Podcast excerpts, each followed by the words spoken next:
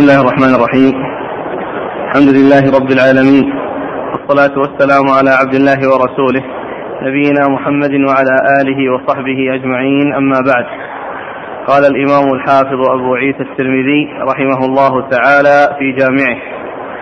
باب ما جاء في النهي عن البول قائما. قال حدثنا علي بن حجر. قال أخبرنا شريك عن المقداد بن شريح عن أبيه عن عائشة رضي الله عنها أنها قالت من حدثكم أن النبي صلى الله عليه وعلى آله وسلم كان يبول قائما فلا تصدقوه. ما كان يبول إلا قاعدا. قال وفي الباب عن عمر وبريدة وعبد الرحمن بن حسنة رضي الله عنهم. قال أبو عيسى حديث عائشة أحسن شيء في هذا الباب وأصح. بسم الله الرحمن الرحيم. الحمد لله رب العالمين وصلى الله وسلم وبارك على عبده ورسوله نبينا محمد وعلى آله وأصحابه أجمعين. أما بعد فيقول الإمام أبو عيسى الترمذي رحمه الله تعالى باب ما جاء في النهي عن البول قائما. هذه ترجمه معقودة لبيان حكم البول قائما ومن المعلوم أن هدي الرسول صلى الله عليه وسلم الذي هو غالب فعله هو أنه كان يبول جالسا أنه كان يبول جالسا عليه الصلاة والسلام. وجاء في بعض الأحاديث الصحيحة أنه بال قائما في مرة من المرات وعائشة رضي الله عنها وأرواها في الحديث الذي أورده الترمذي تقول إن من حدث بأن النبي صلى الله عليه وسلم كان بال قائما أو يبول قائما فلا يصدقوه ما كان يبول إلا قائدا عليه الصلاة والسلام. فهي تخبر عن علمها وما تعرفه عنه صلى الله عليه وسلم في داخل بيته وأن هذا هو شأنه ولا تعلم غير ذلك. لكن كونه قد يحصل منه أو كونه قد حصل منه شيء خلاف ما ذكرت فإنه لا ينافي فإن ذلك لا ينافي قولها من جهة أنها أخبرت عن علمها أخبرت عن علمها وهي إنما تخبر عن شيء تعلمه وتقول لا تصدقوه لأنها رأت ذلك منه باستمرار. لكن ثبت في الصحيحين من حديث حذيفة الذي سيأتي أن الرسول صلى الله عليه وسلم قائما فهو يدل على كونه سائغا ولكن بشرط أن لا يكون في ذلك حصول وصول شيء من النجاسة إلى الإنسان بأن يصل إليه يعني آه، شيء من الرش البول وكذلك أيضا أن يكون مستترا وأن يكون في حال استتار. ما يكون في حال تكشف بحيث يراه الناس. فإذا كان الأمر كذلك فإنه لا بأس به. وإن كان الأولى هو كون الإنسان يبول قاعدا لكن ذلك جائز. فلا يمنع منه الذي يبول قائما حيث آآ آآ كان بهذه الطريقة التي هي عدم وصول شيء من رش البول على الإنسان أو لا يحصل بذلك انكشاف العورة عند الناس فإنه في هذه الحالة لا بأس به. وعلى هذا فالذي أورده الترمذي رحمه الله عن عائشة من بيان أن النبي صلى الله عليه وسلم ما كان يبول قاعدا وأنه لا يصدق من يقول أن كان يبول جالسا قائما هذا لا تنافي بينه وبين ما ثبت لأنها أخبرت عن علمها عن الشيء الكثير الغالب الذي لا تعرف سواه وغيرها أخبر عن الحالة المعينة التي شاهدها من رسول الله صلى الله عليه وسلم فلا تنافي بينها وبين حديث وبين ما جاء عن حذيفة. والحافظ حجة على من لم يحفظ. فالحافظ حجة هي نفت على حسب علمها وحذيفة أثبت, أثبت على حسب ما شاهده وعاينه. فإذا لا يقدح ذلك فيما ثبت. قال عائشة قال لا تصدقوه لا يقدح لأنها بنت على الغالب الذي عرفته عن رسول الله صلى الله عليه وسلم. وعلى هذا فيكون البول يعني آه، قائما يعني لا مانع منه. ولكن كون الإنسان يبول جالسا كما هو هديه صلى الله عليه وسلم الذي لا تعرف عائشة رضي الله عنها سواه هذا هو الذي ينبغي الإنسان يفعله وإن فعل البول قائما في بعض الأحيان بالشروط التي آه، يعني ذكرت فإنه لا بأس به. الحديث عن عائشة رضي الله عنها أنها قالت من حدثكم أن النبي صلى الله عليه وآله وسلم كان يبول قائما فلا تصدقوه ما كان يبول إلا قاعدا نعم هذا على حسب علمها نعم؟ قال وفي الباب عن عمر وبريدة وعبد الرحمن بن حسنة. نعم بعده. قال أبو عيسى حديث عائشة أحسن شيء في هذا الباب وأصح نعم انتهى؟ لا يأتي كلام عن حديث عمر. نعم هذا هو ما يتعلق بهذا الحديث وهو حديث عائشة الذي هو أحسن مما جاء أحسن ما جاء في هذا الباب مما يتعلق في معناه وإلا فإنه قد جاء في بيان ما يقابله من جهة الجواز ما هو أصح منه من حيث الإسناد والثبوت هو حديث حذيفة الصحيح الثابت عن رسول الله صلى الله عليه وسلم قال حدثنا علي بن حجر علي بن حجر السعدي وهو ثقة من أخرج حديث البخاري ومسلم والترمذي والنسائي. عن شريك عن شريك بن عبد الله النخعي الكوفي القاضي وهو صديق اختلط لما ولي القضاء وحديثه أخرجه البخاري تعليقا ومسلم وأصحاب السنة. عن المقدام بن شريح. عن المقدام بن شريح وهو صديق. ثقة. نعم. ثقة. وثقة أخرجه حديثه البخاري في المفرد ومسلم وأصحاب السنن. عن أبي. عن أبيه وهو. ثقة أخرجه البخاري في المفرد. وهو ثقة وقد أخرج البخاري في المفرد ومسلم وأصحاب السنن. عن عائشة. عن عائشة أم المؤمنين رضي الله عنها وأرضاها الصديقة بنت الصديق وهي واحدة من سبعة أشخاص عرفوا بكثرة الحديث عن النبي صلى الله عليه وسلم. قال وفي الباب عن عمر وبريدة وعبد الرحمن بن حسنة عمر بن الخطاب رضي الله تعالى عنه أمير المؤمنين وثاني الخلفاء الراشدين الهاديين المهديين صاحب المناقب الجمة والفضائل الكثيرة وحديثه عند أصحاب الكتب الستة. وبريدة بن الحصين الأسلمي وهو صحابي أخرج حديثه أصحاب الكتب الستة. وعبد الرحمن بن حسنة أخرج حديثه. أبو داود والنسائي بن ماجه. أبو داود والنسائي بن ماجه.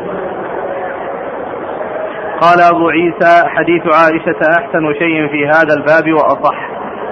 حديث عائشة أحسن شيء في هذا الباب وأصح. يعني أن الأحاديث التي وردت في معناه هو أمثلها وفيه شريك القاضي الذي فيه الكلام ولكن هذا أحسن ما وجد في معناه. نعم. ولكن مع كون هديه أنه صلى الله عليه وسلم يقول جالسا وأن هذا هو المعروف عنه هذا لا إشكال فيه وهذا هو المعلوم الذي آه، عائشة رضي الله عنها الملازمة له الملازمة العظيمة آه، تخبر بهذا الأخبار وتنفي أن يكون آه، حصل منه البول قائما يعني هذا هديه صلى الله عليه وسلم الذي أخبرت به عائشة ما كان يبول إلا جالسا عليه الصلاة والسلام. اذا هذا هو الغالب على أحواله وكون حصل منه نادرا أو قليلا يدل على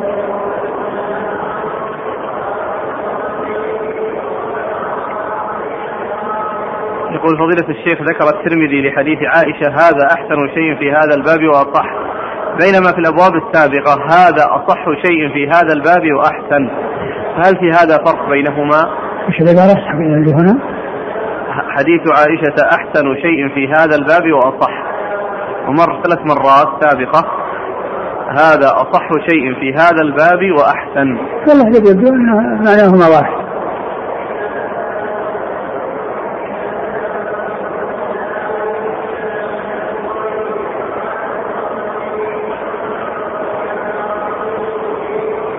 الترجمة ما جاء في النهي عن البول قائما. اي نعم والحديث هذا ما في نهي. لا الأخبار. عن أخبار عائشه بأنه يعني ما كان يبول. يعني ما كان يبول قائما. ما كان يبول النبي صلى ما كان إيش؟ ما كان يبول قائما. يعني معناه إن إنها تخبر قالوا فلا تصدقوه. يعني معنى ذلك أنها يعني آه، آه، تخبر بأن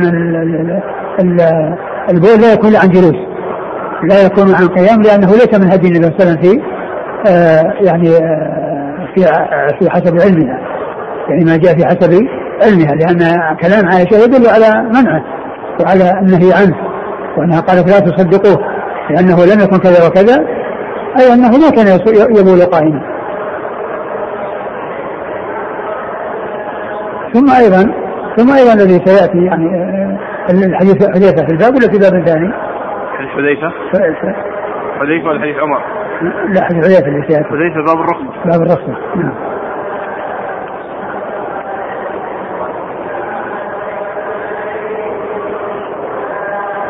هو ثابت.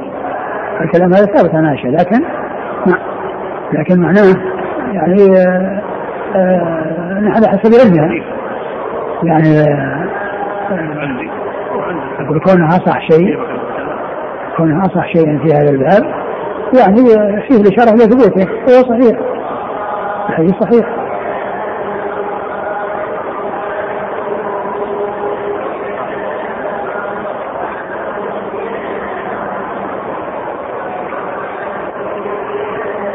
بالنسبة للمؤلف نعم يمكن أن يقال أو الذي قال هذا أنه أصح شيء في الباب.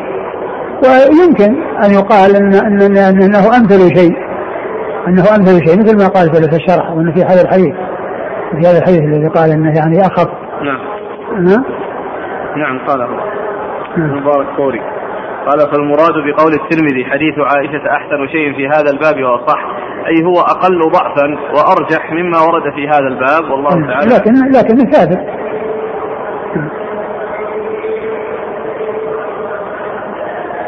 قال وحديث عمر إنما روي من حديث عبد الكريم بن أبي المخارق عن نافع عن ابن عمر عن عمر رضي الله عنهما أنه قال رآني النبي صلى الله عليه وآله وسلم وأنا أبول قائما فقال يا عمر لا تبل قائما فما بلت قائما بعد وهذا فيه يعني واضح في النهي واضح من النهي من رسول الله صلى الله عليه وسلم لكن فيه لكن فيه من هو ضعيف.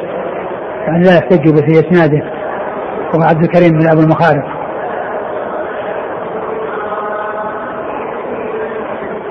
قال أبو عيسى وإنما رفع هذا الحديث عبد الكريم بن أبي المخارق وهو ضعيف عند أهل الحديث. ضعفه أيوب السختياني وتكلم فيه. آه آه أبو عبد الكريم بن أبي المخارق هو ضعيف.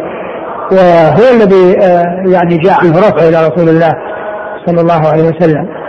الذي جاء عنه رفع إلى رسول الله فهو غير ثابت. يعني الرفع غير ثابت لأنه جاء من طريق آه، شخص ضعيف لا يحتج به. نعم. وروى عبيد الله عن نافع عن ابن عمر رضي الله عنهما قال قال عمر رضي الله عنه ما بلت قائما منذ أسلمت. وهذا يعني آه، فيه يعني آه، في مخالفة للذي تقدم. من جهة أن هناك أنه كان يقول يعني قائما في الرسول نهاه وهنا أخبر بأنه ما بال منذ أسلم. يعني معناه أنه ما وجد منه ما وجد منه البول. ما وجد منه البول بعد إسلامه مطلقا. والحافظ بن حجر ذكر أنه ثبت عنه البول قائما عن جماعة من الصحابة ومنهم عمر. حافظ بن حجر ذكر أنه ثبت عنه البول قائما مع جماعة من الصحابة. وهذا معلق الذي أورده هنا. نعم. نقله الهيثمي في المجمع ونسبه للبزار. اللي هو المعلق؟ نعم. قال الهيثمي رجاله ثقات وقال الحافظ ثبت أنهم فيكون ما ثبت ما ذكره الحافظ ينافي هذا. إذا هذا يكون شذوذ. وين؟ ما ذكره الحافظ قد ثبت عن عمر وعلي وزيد بن ثابت وغيرهم أنهم بالوا قياما وهذا يقول ما بلت قائما منذ أسلمت.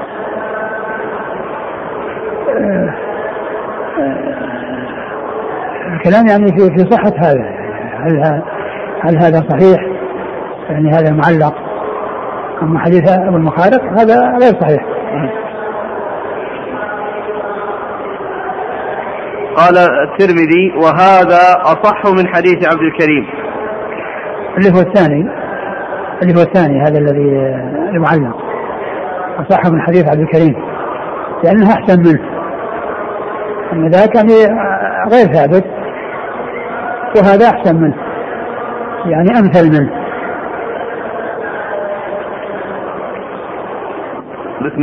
وحديث عمر إنما روي من حديث عبد الكريم بن أبي المخارق. آه عبد الكريم بن المخارق ضعيف. أخرج حديثه.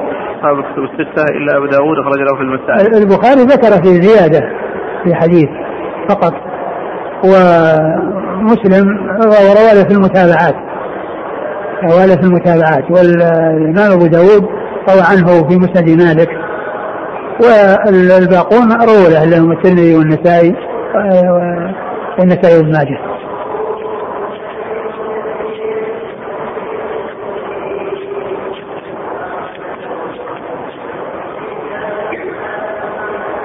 في مسند مالك ولا في المسائل؟ في المسائل في المسائل في المسائل ليس في مسند مالك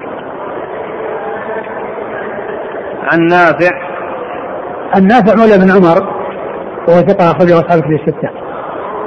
عن عن ابن عمر عن ابن عمر عبد الله بن عمر بن الخطاب رضي الله تعالى عنهما وهو الصحابي الجليل أحد العباد له الأربعة من أصحاب النبي صلى الله عليه وسلم وأحد السبعة المعروفين بكثرة الحديث عن النبي صلى الله عليه وسلم. عن عمر عن عمر رضي الله عنه نعم.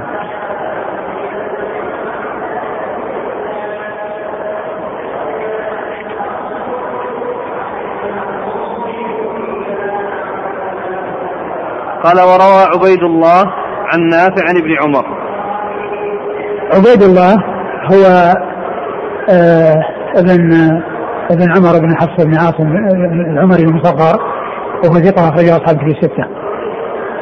عن نافع عن ابن عمر. عمر مر ذكرهما. قال الترمذي رحمه الله وحديث بريدة في هذا غير محفوظ.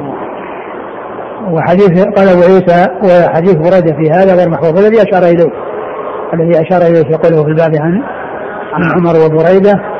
و بن حسن. و, و... عبد الرحمن بن حسن بن حسن. نعم.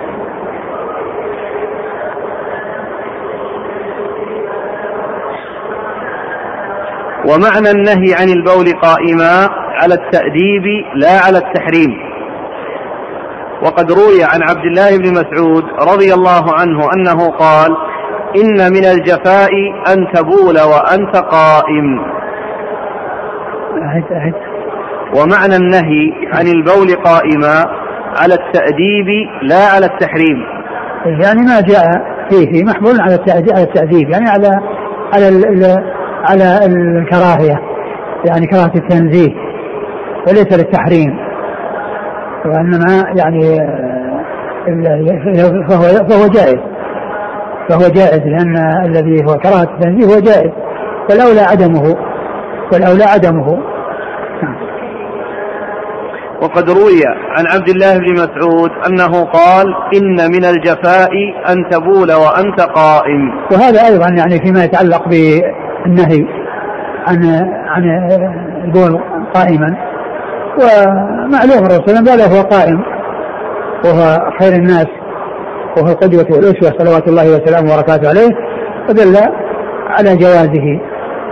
فيكون ابن مسعود يمكن ما بلغه ما ثبت في ذلك. أو أن ذلك يحمل على كون الإنسان يكون عادة له. وطبيعة. وأن يكون هذا شأنه. يعني بحيث يعني لا يعني يحصل منه إلا هذا هذا مخالف لهديه صلى الله عليه وسلم. فإن هديه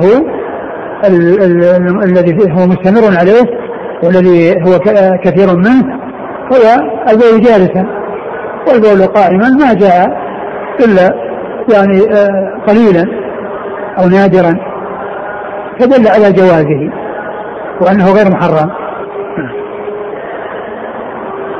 لكن كما قلنا لابد من أن يكون فيه استتار وأن ما فيه تعرض لكشف العورة أمام الناس وأن لا يحصل له شيء من النجاسة تصل إلى ثيابه أو إلى بشرته.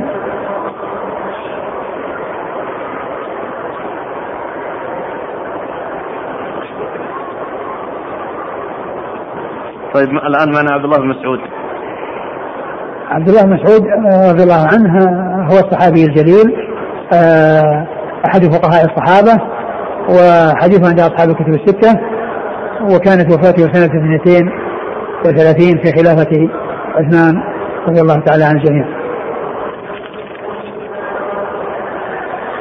قال رحمه الله تعالى باب الرخصة في ذلك قال حدثنا هناد قال حدثنا وكيع عن الأعمش عن أبي وائل عن حذيفة رضي الله عنه أن النبي صلى الله عليه وعلى آله وسلم أتى سباطة قوم فبال عليها قائما. فأتيته بوضوء فذهبت لأتأخر عنه فدعاني حتى كنت عند عقبيه فتوضأ ومسح على خفيه. قال أبو عيسى وسمعت الجارود يقول سمعت وكيعا يحدث بهذا الحديث عن الأعمش ثم قال وكيع هذا أصح حديث روي عن النبي صلى الله عليه وسلم في المسجد. وسمعت أبا عمار الحسين بن حريث يقول سمعت وكيعا فذكر نحوه.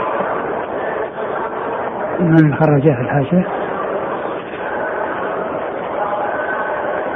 رواه أحمد والبخاري ومسلم وأبو داود والنسائي وابن ماجه. نعم حديث حذيفة رضي الله عنه. يعني رواه البخاري ومسلم وبعض أهل السنن والإمام أحمد.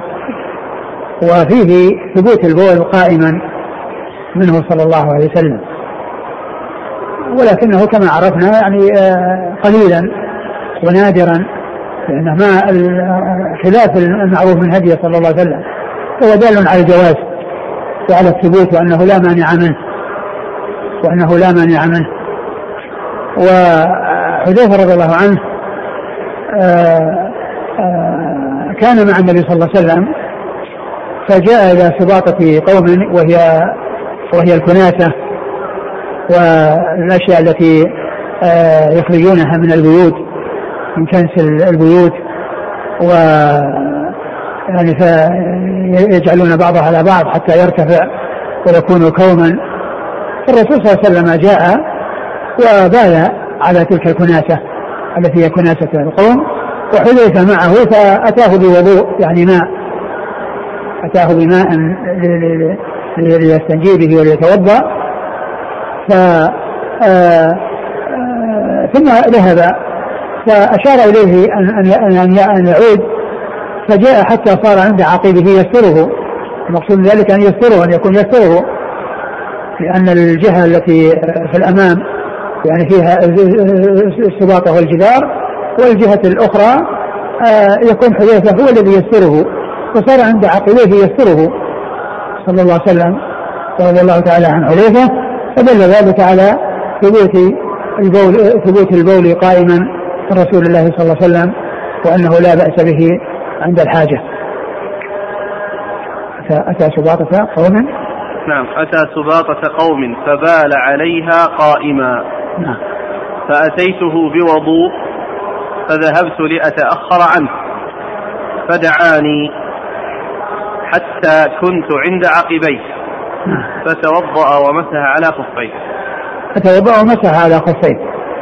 يعني كان عليه خفان فمسح عليهما وهو من أحاديث المسح على الخفين من أحاديث المسح على الخفين الثابتة عن رسول الله صلى الله عليه وسلم.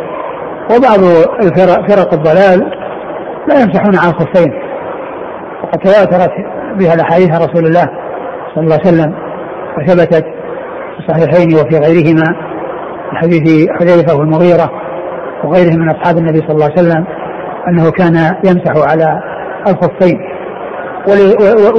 ولاشتهار المخالفة لهذه السنن من بعض الفرق كان بعض أهل السنة الذين يؤلفون في العقيدة يشيرون إلى مثل هذه المسألة من أجل بيان مخالفتهم للفرق الضالة التي لا تأخذ بالأحاديث الصحيحة الثابتة المتواترة عن رسول الله صلى الله عليه وسلم.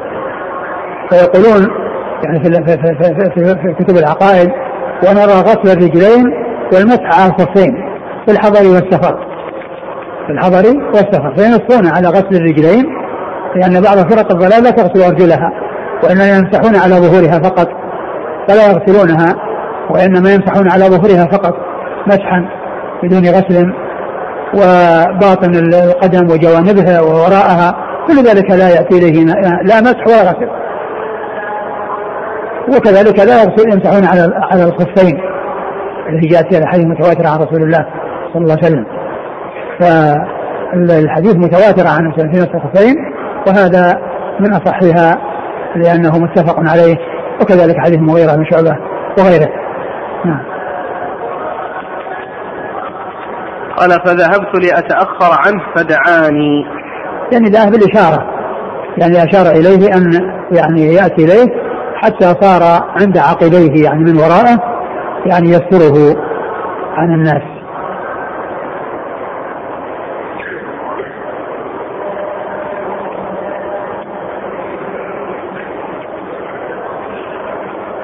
القول بأن النبي صلى الله عليه وسلم فعل ذلك لمرض كان ما هناك شيء يدل عليه؟ أقول ما هناك شيء يدل عليه؟ ولو كان يعني ذلك لمرض فمعلوم أنه يكون عند عائشة أكثر ما يكون ومع ذلك ما عائشة ما تعرف عنه إلا أنه يبول جالسا. أقول لو كان ذاك لمرض يعني أولا ما هناك شيء ينصها يدل عليه. ما هناك نص يدل على هذا. ولو كان يعني مريضا لا حصل منه ذلك في البيوت ولا عرفت ذلك عائشة منه رضي الله تعالى عنها وأرضاها فالذي يدل انه أنه أنه فعله صلى الله عليه وسلم يعني لبيان الجواز وأن ذلك جائز للحاجة.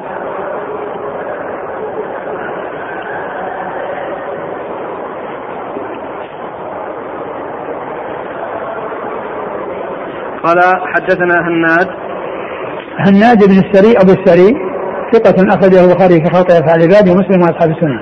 عن وكيع عن وكيع بن الجراح الرؤاسي الكوفي وهو ثقة أخرجه أصحاب الكتب الستة. عن الأعمش عن الأعمش سليمان بن مهران الكاهلي الكوفي وهو ثقة أخرجه أصحاب الكتب الستة. عن أبي وائل عن أبي وائل وهو شقيق بن سلمة وهو ثقة مخضرم أخرج حديثه أصحاب الكتب الستة. عن حذيفة. عن حذيفة بن اليمان رضي الله تعالى عنهما صحابي من صحابي وحديثه أخرجه أصحاب الكتب الستة. قال أبو وائل مشهور بكنيته والأعمش مشهور بلقبه. ومعرفة الكنى والألقاب للمحدثين مهمة وفائدة وفائدتها ألا يظن الشخص الواحد شخصين حين يذكر مرة باسمه ومرة بلقبه أو مرة باسمه ومرة بكنيته فإن من لا يعرف يظن أنه إذا ذكر بالاسم شخص وإذا ذكر بالكنية باللقب شخص آخر. فسليمان الأعمش يأتي ذكره في بعض الروايات سليمان بدون ما يقال الأعمش وبدون ما يقال ابن مهران يقال سليمان وبعضه يقال الأعمش. فالذي لا يعرف أن الأعمش لقب لسليمان يظن أن سليمان شخص وأن الأعمش شخص آخر مع أنه شخص واحد. وكذلك شقيق بن سلمة أبو وائل مشهور بكنيته أبو وائل. فالذي لا يعرف الذي يعرف مثلا آه، آه، شقيق بن سلمة ثم يراه في موضع آخر أبو وائل في في في, في الإسناد يظن أن أبو وائل شخص أن أبا وائل شخص وأن شقيق بن سلمة شخص آخر. ومعرفة ومعرفة ذلك يزيل يزيل مثل هذا اللبس ومثل هذا الاحتمال. ففائدة معرفة الألقاب ومعرفة الكنى ألا يظن الشخص واحد شخصين فيما ذكر مرة باسمه ومرة بكنيته أو بلقبه وهو مخضرم أي أبو وائل لأنه أدرك الجاهلية والإسلام ولم يلقى النبي صلى الله عليه وسلم. أدرك الجاهلية والإسلام. ولم يلقى النبي صلى الله عليه وسلم مثل الصنابحي الذي مر ذكره قريبا عبد الرحمن بن عسيلة فإنه مخضرم فقدم إلى النبي صلى الله عليه وسلم ولما آه، كان في الطريق جاء جاء من اليمن ولما كان في الطريق وفي الجحفة جاء ركب من المدينة فسأل فسألوهم فأخبروهم بأن النبي صلى الله عليه وسلم دفن من خمس ليال فلم يلقى النبي صلى الله عليه وسلم. ومثله سويد بن غفلة سويد بن غفلة الذي قدم المدينة في اليوم الذي دفن فيه رسول الله صلى الله عليه وسلم.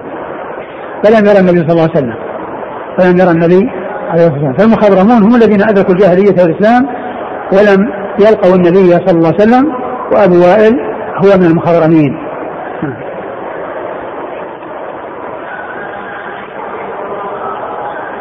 قال أبو عيسى وسمعت الجارود يقول سمعت وكيعا يحدث بهذا الحديث عن الأعمش. ثم قال وكيع ثم قال وكيع هذا أصح حديث هذا أصح حديث روي عن النبي صلى الله عليه وسلم في المسجد وسمعت أبا عمار الحسين بن حريث يقول سمعت وكيعا فذكر نحوه. يعني أنه أصح حديثا في المسح. وحديث متفق على صحته. متفق على صحته. يعني في المسح على الخفين وهو من جملة الأحاديث الثابتة الدالة على مسح مسح الخفين فهذه طرق في حديث الأعمش عن أبي وائل عن حذيفة رضي الله عنه في قصة بوله قائما وكونه مسح على خفيه بعد أن توضأ بالوضوء الذي جاءه به حذيفة رضي الله عنه وكان عليه خفان فمسح عليهما. قال وسمعت الجارود. نعم. الجارود هو ابن معاذ السلمي ثقة أخرجه الترمذي والنسائي. أخرجه؟ الترمذي والنسائي. آه الجارود بن معاذ السلمي ثقة أخرجه الترمذي والنسائي. عن وكيع عن الأعمش ثم قال عن وكيع عن الأعمش نعم. قال سمعت ثم قال وسمعت أبا عمار الحسين بن حريث. أبا عمار الحسين بن حريث ثقة أخرج هذا أصحاب الكتب الستة إلا إلا إلا ابن ماجه. قال أبو عيسى وهكذا روى منصور منصور وعبيدة وعبيدة الضبي عن أبي وائل عن حذيفة مثل رواية الأعمش. نعم وهذا يعني طرق أخرى إلى إلى أبي وائل يعني آه، من غير طريق الأعمش يعني رواه منصور ابن المعتمر وعبيدة الضبي ومنصور بن المعتمر هو ثقة آه، آه، منصور بن المعتمر ثقة كوفي ثقة أخرجه أصحاب الكتب الستة وهو من أقران الأعمش. وعبيدة الضبي وعبيدة الضبي هو عبيدة بن معتب ضعيف أخرج البخاري تعليقا وأبو داود والترمذي وابن ماجه. عبيدة بن معتب الضبي وهو ضعيف أخرج حديثه البخاري تعليقا و أبو داود. أبو داود والترمذي وابن ماجه. وروى حماد بن أبي سليمان وعاصم بن بهدلة عن وائل. عن أبي وائل. عن أبي وائل. عن المغيرة بن شعبة عن النبي صلى الله عليه وسلم وحديث أبي وائل عن حذيفة أصح. يعني هذه طريقة أخرى يعني عن من هو؟ الإسناد الأخير. وروى حماد بن أبي سليمان وعاصم بن بهدلة عن أبي وائل عن المغيرة بن شعبة. عن أبي وائل هنا يعني شيخ أبي وائل المغيرة بن شعبة صحابي آخر. والطرق الأخرى التي مضت كلها يعني الصحابي فيها حذيفة بن اليمان التي في الصحيحين وفي غيرهما. وأما هذه الطريق فمن العلماء من ضعفها وقال أن فيها مخالفة يعني لأولئك. ومنهم من قال باحتمال أن يكون أن يكون آه، آه، أبو وائل يعني آه، أخذ عنه الأعمش وأخذ عنه شو اسمه؟ الأعمش هو منصور. هنا أبو منصور منصور ومضبي عن الأعمش عن الأعمش منصور وعبيدة. والأعمش رووا جعلوه عن حذيفة. عن حذيفة نعم. وحماد وعاصم جعلوه عن المغيرة. لا إيش اقرا الإسناد الأخير؟ حماد بن أبي سليمان وعاصم بن بهدلة عن أبي وائل عن المغيرة. بن شعبة. عن أبي وائل يعني أنهم رووه عن أبي وائل بخلاف رواية الذين قبلهم. وهم الذين جعلوا شيخ أبي وائل فيه حذيفة. هؤلاء جعلوا شيخ أبي وائل فيه المغيرة بن شعبة رضي الله تعالى عن عن عن الصحابة أجمعين. فمن العلماء المضاعفه هذه الرواية يتكلم فيها لمخالفه لحصول المخالفة من جهة أن أولئك جعلوهم مسند حذيفة وهؤلاء جعلوهم من مسند أبي وائل عن عن المغيرة بن شعبة وقيل إنه يحتمل أن أن يكون ذلك يعني يكون ذلك صحيحا وأنه حصلت الرواية على طريقين من طريق المغيرة ومن طريق حذيفة.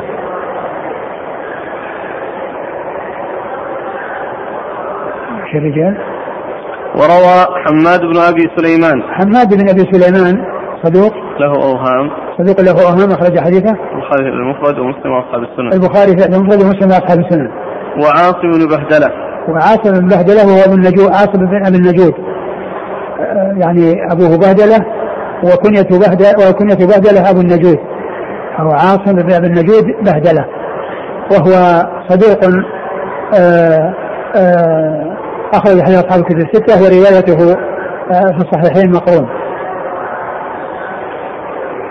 عن أبي وائل عن المغيرة بن شعبة.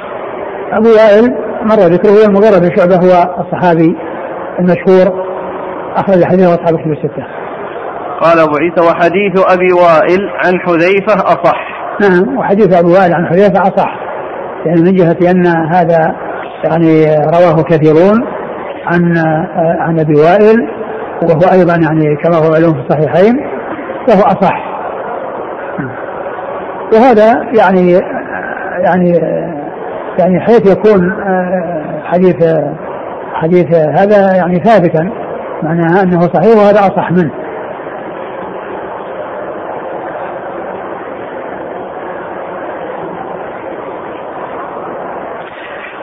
وقد رخص قوم من أهل العلم في البول قائما. قال أبو عيسى وعبيدة بن عمرو السلماني. وقد رخص قوم من أهل العلم في البول قائما بناء على حديث حذيفة. بناء على حديث حذيفة الثابت في الصحيحين وفي غيرهما. فالبول قائما آه سائغ وجائز. وإن كان الأولى خلافه ولكنه جائز ولا يقال إنه حرام.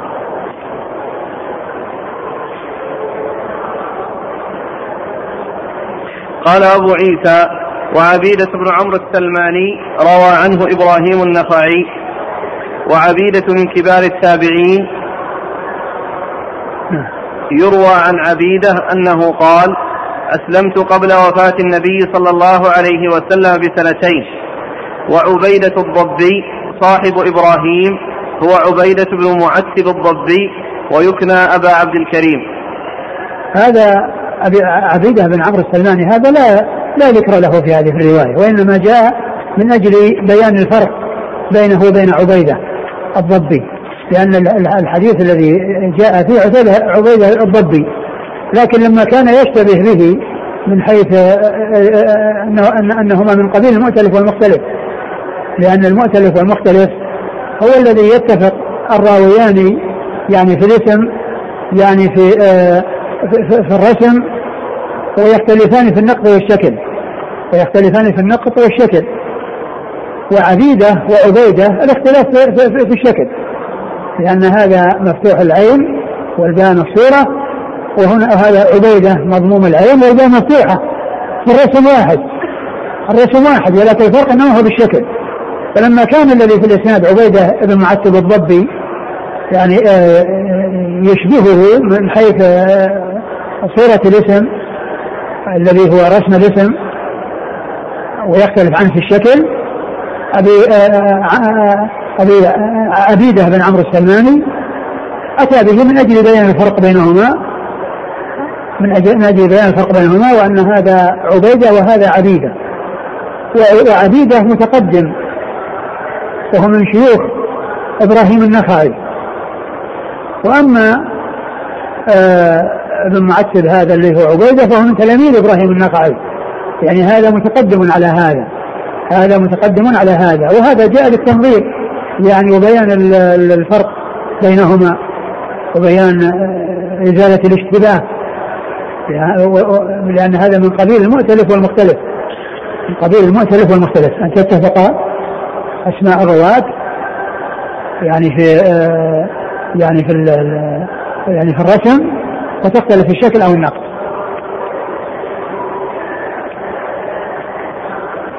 وعبيد بن عمرو السلمان هي ثقة أخرجها أصحاب الكتب الستة.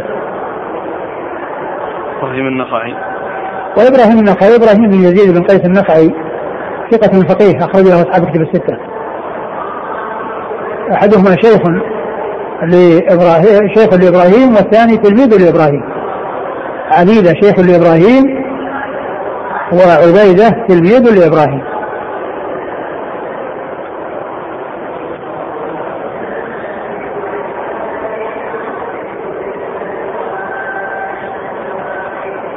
لذلك عبر عنه بالصاحب. عبر عنه بالصاحب. اللي هو قال وعبيدة الضبي صاحب إبراهيم. نعم صاحب إبراهيم هو تلميذه. قال رحمه الله تعالى باب ما جاء في الاستثار عند الحاجة. قال حدثنا قتيبة بن سعيد قال حدثنا عبد السلام بن حرب الملائي عن الأعمش عن أنس رضي الله عنه أنه قال كان النبي صلى الله عليه وعلى آله وسلم إذا أراد الحاجة لم يرفع ثوبه حتى يدنو من الأرض. قال أبو عيسى هكذا روى محمد بن ربيعة عن الأعمش عن أنس هذا الحديث. ثم رد أبو داود باب في الاستثار عند الحاجة عند قضاء الحاجة. يعني كل إنسان آه يحافظ على ستر عورته وكونه لا يكشفها إلا عند الوصول إلى قضاء الحاجة وقبل ذلك يكون على الاستتار. ثم أيضا عندما يريد قضاء الحاجة يكون في مكان مستور. أما يكون يعني يعني في مكان مخصص لذلك كالكنف والمراحيض أو يكون يعني إلى جدار أو إلى شجرة. يعني لا يعني لا يكون فيها في في في كونه يبول تحتها إيذاء للناس الذين يستغلون بظلها. فالانسان يستتر سواء كان في المحافظة على ثيابه بحيث لا يكشفها إلا عند الحاجة أو آه، عند يعني آه، آه، الوصول إلى المكان الذي يقضي فيه الحاجة أن يكون مخصصا لذلك كالمراحيض أو يكون مستندا إلى جدار أو إلى شيء يعني يستره والرسول صلى الله عليه وسلم كما مر في حديث حذيفة كان لما احتاج إلى أن يقول كان حذيفة وراءه يستره صلى الله عليه وسلم. أورد أبو عيسى رحمه الله حديث أنس. نعم. حديث أنس رضي الله تعالى عنه أن النبي صلى الله عليه وسلم كان إذا أراد قضاء الحاجة لم يرفع ثوبه حتى يدنو من الأرض. حتى يدنو من الأرض. يعني من عندما يريد أن يعني ينزل على الأرض ويجلس عليها يعني يرفع ثوبه وقبل ذلك لا يرفعه. يعني هو في طريقه إلى المكان. وإنما إذا أراد أن يهوي إلى الأرض رفع ثوبه محافظة على ستر العورة. فهذا يدلنا على المحافظة على ستر العورة وأن الإنسان لا يكشفها عند إرادة قضاء الحاجة لرفع ثيابه إلا عند الهوي والنزول وكذلك أيضا آه، آه، كونه يستتر بشيء يستره يعني أمامه يعني من من تل أو شجر أو أو جدار أو غير ذلك. نعم. قال حدثنا قتيبة بن سعيد. قتيبة بن سعيد بن جميل بن طريف البغلاني ثقة أخرج له أصحاب كتب الستة. عن عبد السلام بن حرب الملائي. عبد السلام بن حرب الملائي ثقة أخرج له أصحاب الكتب الستة. عن الأعمش عن أنس. عن الأعمش مر ذكره عن أنس رضي الله تعالى عنه وهو صحابي وهو, وهو آه صحابي خادم رسول الله, رسول الله صلى الله عليه وسلم وأحد السبع المعروفين بكثرة الحديث عن النبي صلى الله عليه وسلم. والأعمش ليس له رواية عن أنس. يعني ففيه انقطاع وفيه إرسال. نعم.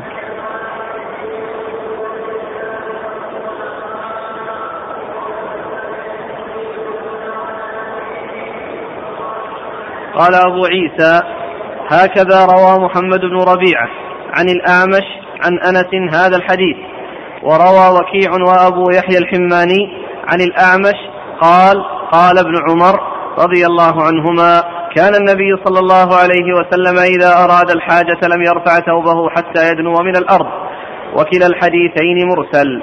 نعم لأن لأنه إذا كان يعني الأعمش يعني لم يروي أو ليس له رواية عن أنس مع أنه من من متأخر الصحابة ومات يعني في آخر القرن الأول وابن عمر مات يعني بعد السبعين ثلاث وسبعين فهناك مسافة بين بينه وبينه فكل منهما مرسل يعني معناه منقطع. وهذا المرسل يعني بالمعنى العام الذي يعني عند التي هي يرادف المنقطع أو الذي هو معنى المنقطع يعني حيث يكون فيه انقطاع يقال له مرسل لأن الإنسان إذا روى عمن لم يلقه ومن لم يدركه فإنه يقال له مرسل. ولكن المشهور في تعريف المرسل عند المحدثين هو قول التابعي قال رسول الله صلى الله عليه وسلم. قول التابعي قال رسول الله صلى الله عليه وسلم بحيث لا يذكر الواسطة بينه وبين النبي صلى الله عليه وسلم. والإشكال فيه من جهة احتمال أن يكون الساقط تابعي أما لو كان الساقط صحابيا ومعلوم أنه لم يسقط إلا صحابي فإنه لا إشكال لأن الصحابة عدول. رضي الله عنهم وأرضاهم. عرفوا أو لم يعرفوا سموا أو لم يسموا. وإنما اعتبر المرسل من قبيل الضعيف ومن قبيل المردود من جهة أنه يحتمل يكون الساقط صحابيا وأن يكون تابعيا. وعلى أنه تابعي يحتمل أن يكون ثقة وأن يكون ضعيفا. فمن أجل هذا الاحتمال اعتبر المرسل من قبيل المردود ومن من قبيل الضعيف لأنه غير متصل. إلى رسول الله صلى الله عليه وسلم ولو كان الساقط صحابيا فقط فإن ذلك لا يؤثر لأن سقوط الصحابي وحده لا يؤثر وإنما الإشكال من جهة أن يكون الساقط غير صحابي نعم إيش الأسماء؟ قال أبو عيسى هكذا روى محمد بن ربيعة عن الأعمش عن أنس هذا الحديث. أه محمد بن ربيعة هو صدوق أخرجه البخاري في المفرد وأصحاب السنن. صدوق أخرجه البخاري في المفرد وأصحاب السنن. عن الأعمش عن أنس هذا الحديث وروى وكيع. وأبو يحيى الحماني عن الأعمش عن ابن عمر. وكيع مر ذكره و... وأبو يحيى. الحماني. أبو يحيى الحماني وهو عبد الحميد بن عبد بن عبد الله. بن عبد الرحمن. بن عبد الرحمن وهو صدوق. يخطئ.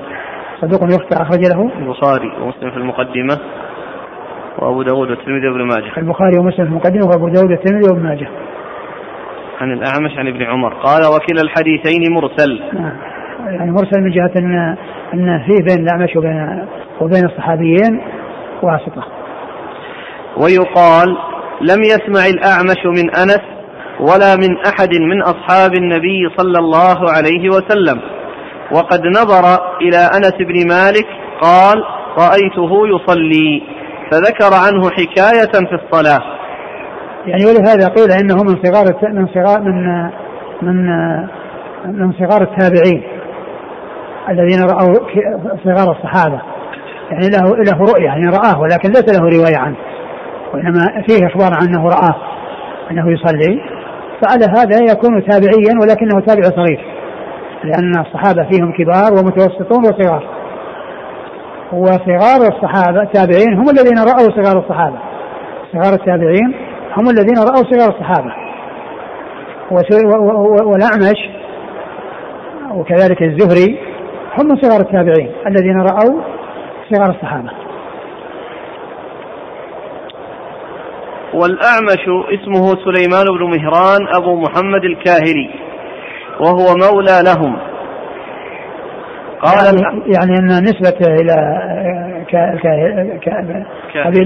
كاهل نسبة ولاء وليست نسبة نسب نسبة أصل وإنما هي نسبة ولاء لأن الإنسان ينسب إلى القبيلة ويكون منها وينسب إلى القبيلة ويكون ليس منها وإنما فيه رابطة تربط بينه وبينها رابطة ولاء إما ولاء عتاقة أو ولاء إسلام أو ولاء حلف أو ولاء حلف يكون بين القبيلتين فينسب إليها بسبب الحلف أو بسبب الإسلام مثل البخاري وقال الجعفي نسبة إلى الجعفيين وليس منهم لأن جده أسلم على يد واحد من الجعفيين.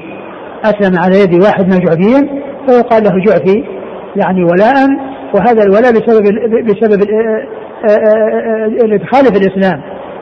وكونه دخل في الإسلام على يديه يعني جد البخاري دخل في الإسلام على يد يعني أحد الجعفيين فنسب إليهم فقال مولاهم و وعندما يريدون أن يبينوا أن الشخص آآ آآ يعتبر آآ من القبيلة يأتون بعبارة من أنفسهم من أنفسهم مثل ما قالوا في البخاري ومسلم البخاري محمد بن إسماعيل بن إبراهيم وغيرهم البخاري الجعفي مولاهم. وأما مسلم مسلم الحجاج مسلم القشيري أن السابوري من أنفسهم. القشيري من أنفسهم. يعني من من بني قشير يعني صلبية يعني يعني أصلا وليس ولاء. نعم. قال الأعمش كان أبي حميلا فورثه مسروق. قال الأعمش كان أبي حميلا الذي هو مهران. حميلا يعني معناه أنه سبي وجاء مع امرأة قالت إنها أمه. والعلماء لهم كلام في المرأة المسبية والولد الصغير الذي سبي معها وهو لا يعرف أنها أمه. منهم من يورثه على اعتبار قبول قولها أنها أمه. ومنهم من لا يورثه على اعتبار أنه يمكن أن تكون ادعت أنها أمه وليست أمه. فلا يكون ابنا لها ولا يكون محرما من محارمها. اللهم إلا إذا كان هناك رضاعة. إلا إذا هناك رضاعة منها أو من يعني أحد أقاربها التي تكون هي خالة أو عمة أو غير ذلك فانه تكون محرمية. وإما مجرد مجرد الرعاية والإحسان والحضانة فإن ذلك لا يحصل به حرمة ولا يحصل به قرابة وإنما القرابة تحصل من جهة النسب إذا ثبت وتحصل من جهة الرضاع إذا وجد لأنه يحرم من الرضاع ما يحرم من النسب. فيقول الأعمش يقول أن كان أبي حميلا يعني حمل وهو صغير حمل وهو صغير يعني إلى دار الإسلام ولم يولد في في المسلمين وإنما حمل وجاء يعني مع يعني امرأة وهي يعني تقول إنها أمه فمن أهل العلم من لا يورثه لاحتمال أن تكون لا تكون أمه وأن تكون أجنبية ومنهم من يورثه وقد ورثه مسروق وقد ورثه مسروق من أمه أو من المرأة التي جاء معها والتي تقول إنها أمه. مسروق ابن الأجدع. قال سليمان مهران. الأعمش اسمه سليمان بن نعم. مهران أبو محمد. نعم ومسروق هو ثقة أخرج حديثه أصحاب الكتب الستة. لا لا الترمذي ما أشار إلى أحاديث صحت في هذا الباب لأن الحديثين الآن فيهما انقطاع. نعم. حديثين. نعم. أورد حديث الأعمش عن أنس والأعمش عن ابن عمر كلها في انقطاع. إيه نعم بس والمعنى صحيح من أحاديث أخرى ولم يشر على عادته وفي الباب ما صح. إيه. ما ذكر شيء؟ لا. ولذلك انتقل حتى مبارك فوري. قال لم يشر الترمذي إلى حديث آخر في الباب. فاعلم أنه قد جاء في الباب عن أبي هريرة أخرجه أحمد وأبو داود بن ماجه. وعن عبد الله بن جعفر أخرجه أحمد ومسلم بن ماجه. وعن جابر أخرجه أبو داود بن ماجه. وعن المغيرة أخرجه النسائي وأبو داود والترمذي. يعني فيها في مسلم أيضا. أقول واحد منها في مسلم. قال رحمه الله تعالى باب ما جاء في كراهة الاستنجاء باليمين. قال حدثنا محمد بن أبي عمر المكي. قال حدثنا سفيان بن عيينة عن معمر عن يحيى بن أبي كثير عن عبد الله بن أبي قتادة عن أبيه رضي الله عنه أن النبي صلى الله عليه وعلى آله وسلم نهى أن يمس الرجل ذكره بيمينه. وفي هذا الباب عن عائشة وسلمان وأبي هريرة وسهل بن حنيف رضي الله عنهم. قال أبو عيسى هذا حديث حسن صحيح. ثم أورد أبو داود هذه الترجمة. باب كراهة. الاستنجاء باليمين. باب كراهة الاستنجاء باليمين. لأن كل إنسان عندما يقضي حاجته ويستنجي يغسل فرجه فإنه يستنجي بيساره ولا يستنجي باليمين. ولا يستنجي باليمين وإنما يستنجي باليسار. وذلك أن اليمين تكون للأمور الطيبة واليسار تكون للأمور التي بخلافها. يعني مثل كل إنسان يعني يستنثر ويعني ويخرج المخاط من أنفه بيساره لا بيمينه وكذلك يستعمل الاستنجاء يكون بيساره يعني لا بيمينه. فتكون اليمين للذي خصصت له واليسار للذي خصصت له. وقد جاءت السنة يعني في ال ال الاستنجاء في اليسار وجاء النهي عن الاستنجاء في اليمين في آه، آه، في هذا الحديث وفي غيره عن النبي صلى الله عليه وسلم. و آه، وهذا من من من آداب الإسلام التي جاء بها وهي أن أنه قد بين للناس كل ما يحتاجون إليه حتى في أمور قضاء الحاجة. حتى في أمور قضاء الحاجة جاءت في ذلك سنة عن رسول الله صلى الله عليه وسلم.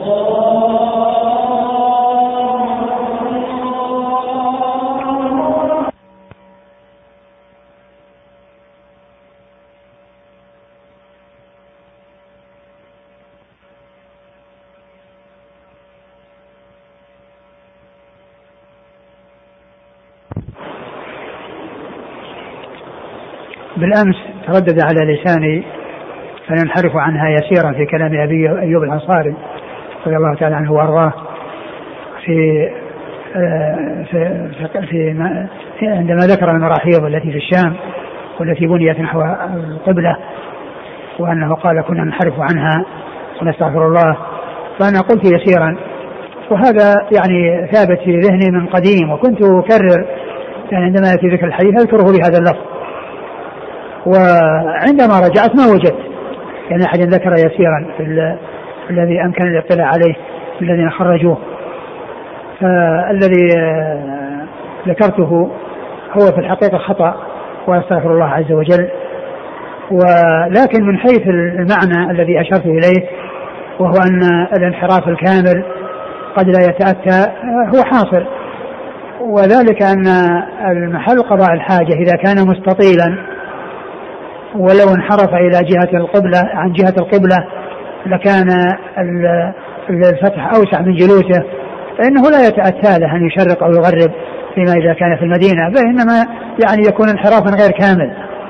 فالمعنى الذي أشرت إليه آه، محتمل ويعني غير ممتنع من جهة أن الإنسان قد لا يتيسر له الانحراف الكامل لوجود يعني الاستطالة في الفتحة. لأن الفتحة لها طول ولها عرض فإذا جلس عليها على عرضها الأمر يعني فيه راحة كما هو الأصل. وإذا أراد الخروج عن هذا الأصل أو مخالفة هذا الأصل وكان الفتحة مستطيلة والإنسان لا يستطيع أن يعني يجلس جلسة يعني تخرج رجليه أو تتباعد يعني عن عن, عن الفتحة الطويلة فإن هذا آه، قائم ومحتمل. ولكن الذي أحب أن أنبه عليه أو أريد التنبيه عليه هو أن كلمة يسيرا هذه ما وجدت ذكرها. والله تعالى أعلم وصلى الله وسلم وبارك على عبده ورسوله نبينا محمد وعلى آله وأصحابه أجمعين. جزاكم الله خيرا وبارك الله فيكم ونفعنا الله ما قلتم. جاء عدد من الأسئلة في جواز البول قائما. هل هذا الحكم يعم المرأة؟ الذي يبدو أن عند الحاجة ما في بس.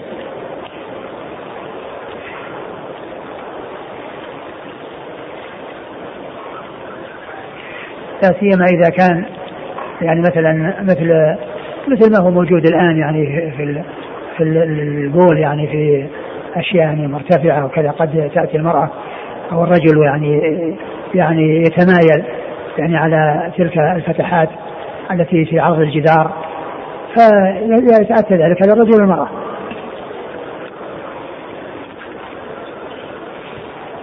يقول هل يؤخذ النهي من مجرد عدم الفعل لا سيما وأن هذا من الأفعال التي تدخل في الأمور الجبلية والعادية. وليس هناك دليل قولي صحيح في النهي عن ذلك. فمن أين يؤخذ النهي عن البول قائما؟ ما فيه إلا الذي الذي ذكر عن عن عن عائشة وعن الصحابة رضي الله تعالى عنهم وأرضاهم. وإلا أنا ما أذكر يعني في شيء يعني تنصيص. على ذلك يعني في طريقة صحيحة ما أذكر. لكن فعل الرسول صلى الله عليه وسلم باستمرار أنه يبول جالسا هذا هذا هو هذا هو هو هديه صلى الله عليه وسلم.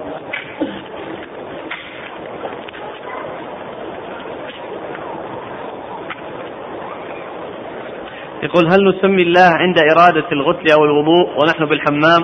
علما أن الحمامات تجمع بين محل الغسل ومحل الاستنجاء. إذا كان المحل محل المغسلة في داخل الحمام وهي في داخله فمعلوم أن الإنسان عندما يدخل الحمام عندما يريد دخوله يقول بسم الله ولا يسمي الله ولا يذكر الله بعد ذلك حتى يخرج. حتى يخرج فهو لا يسمي الله عز وجل في داخل الحمام وإنما يسمي عند الدخول ويكفي.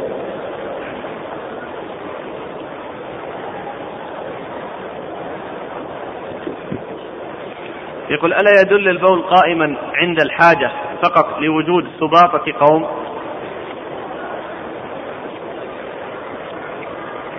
آه، كما هو من سباطة القوم هي يعني آه، سترة أمامه يعني سترة أمامه وقد يكون يعني مثلا احتاج إلى ذلك لكونه كان مشغولا وأنه يعني آه، لم يتمكن من أن يستمر في الوصول إلى المكان المخصص لقضاء الحاجة.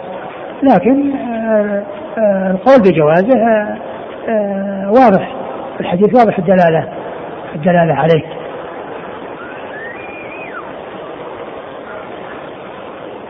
يقول متى يقول الإنسان دعاء دخول الخلاء إذا كان في الفضاء؟ وكذلك دعاء الخروج. هذا هذا عندما يعني يريد يقبل على يعني يبدأ برفع ثيابه يقول إذا أراد أن هذا رفع الثياب هو مثل الدخول لأنها يعني هو الذي يعني فيه المباشرة فعند إرادة رفع ثيابه يقول ذلك. وإذا فرغ وقام منه وانصرف يقول آه، غفرانك.